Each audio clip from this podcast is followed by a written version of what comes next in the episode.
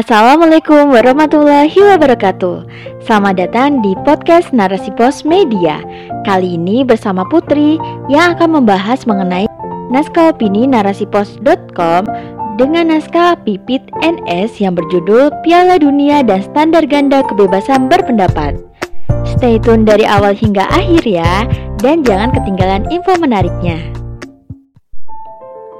Piala Dunia tahun 2022 yang diselenggarakan di Qatar sejak bulan November lalu telah menyerap atensi besar kaum muslimin. Pasalnya, negara ini digadang-gadang akan menjadi sarana dakwah Islam nantinya. Setidaknya tampak pada pembukaan Piala Dunia yang disertai pembacaan ayat suci Al-Quran, barcode hotel yang memperkenalkan pengunjung dengan Islam, serta pelarangan minuman keras serta larangan kampanye LGBT. Tentu hal ini memicu berbagai respon dari banyak pihak. Kaum muslimin dari berbagai dunia merespon hal ini sebagai angin segar bagi perspektif dunia terhadap Islam. Islam yang damai tanpa kekerasan tampak dalam pelaksanaan Piala Dunia 2022 ini. Namun, bagi sebagian orang, pelanggaran minuman keras dan larangan kampanye LGBT merupakan pelanggaran terhadap hak asasi manusia. Hal ini sesuai dengan perkataan Steph Da Cruz, Seorang penggemar asal Meksiko mengaku kecewa terhadap keputusan pelarangan alkohol meskipun hal ini adalah budaya masyarakat setempat. Menurutnya, alkohol dan sepak bola merupakan hal yang berjalan beriringan dan tidak bisa dipisahkan. Sehingga wajar penggemar dari berbagai negara kecewa terhadap keputusan ini. Lebih dari itu, protes atas kekecewaan pelarangan penggunaan ban lengan One Love berwarna pelangi juga datang dari berbagai negara besar di Eropa. Mereka menganggap bahwa pelanggaran penggunaan ban lengan merupakan pelanggaran terhadap suara untuk kampanye keberagaman.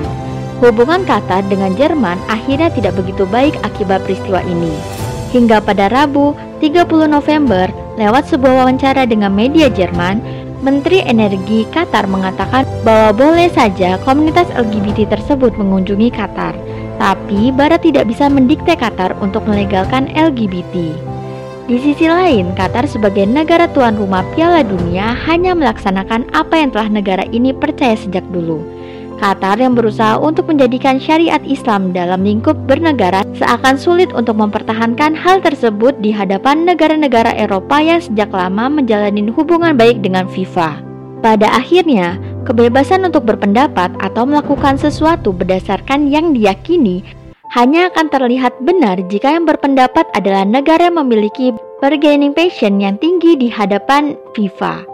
Selama ini dapat kita ketahui bahwa liga-liga besar yang meraup keuntungan besar bagi sponsor berasal dari negara-negara yang menggugat Qatar atas larangan kampanye One Love.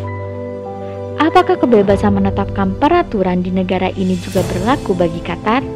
Mungkin di depan media mereka akan memberi penghargaan terhadap budaya yang dipertahankan oleh Qatar. Tapi, di balik hal tersebut, seluruh dunia akan digiring untuk membenci Qatar atas sikap terhadap komunitas LGBT. Standar ganda dalam kebebasan berperilaku atau berpendapat adalah hal yang nyata di sistem demokrasi. Lalu, bagaimana sikap kita sebagai seorang muslim?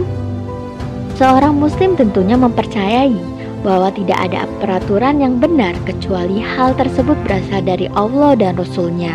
Begitu pula terhadap isu legal atau tidak legalnya LGBT. Sebisa mungkin kita menolak akan normalisasi LGBT karena hal tersebut mendatangkan laknat Allah. Lalu bagaimana dengan kita yang memprotes ketidakadilan barat terhadap kaum muslimin atas dasar kebebasan berpendapat yang dilanggar? Kaum muslimin tidak dapat menjadikan kebebasan berpendapat sebagai dasar untuk menggugat normalisasi terhadap LGBT. Kebebasan berpendapat merupakan salah satu pilar dalam demokrasi yang meniscayakan peraturan hidup sepenuhnya diserahkan pada manusia. Menyetujui dan menerapkan demokrasi sama halnya dengan bersedia diatur selain dengan syariatnya. Tentu hal ini sangat mungkin berujung pada ternodanya akidah kita sebagai seorang muslim seorang muslim cukup menjadikan Islam sebagai pedoman dalam bertindak serta menyatakan sikap. Jika akhirnya pada saat ini alasan ini tidak dapat berpengaruh, Hal ini tak lain karena kaum muslimin yang fitrahnya bersatu dalam satu naungan kekuatan besar, memilih berjuang dalam luang lingkup negara yang masih dalam kendali negara adidaya yang menyusup ideologi selain Islam. Akibatnya, tidak ada kewibawaan terhadap segala keputusan yang dihasilkan. Dalam hal ini, apakah benar kita berharap pada standar ganda kebebasan berpendapat untuk mempertahankan akidah, menerapkan syariat, dan menentukan sikap? Sementara kita masih memiliki kemampuan mengusahakan tegaknya institusi milik kaum muslimin, khilafah Islamiyah, wallahu a'lam bishawab.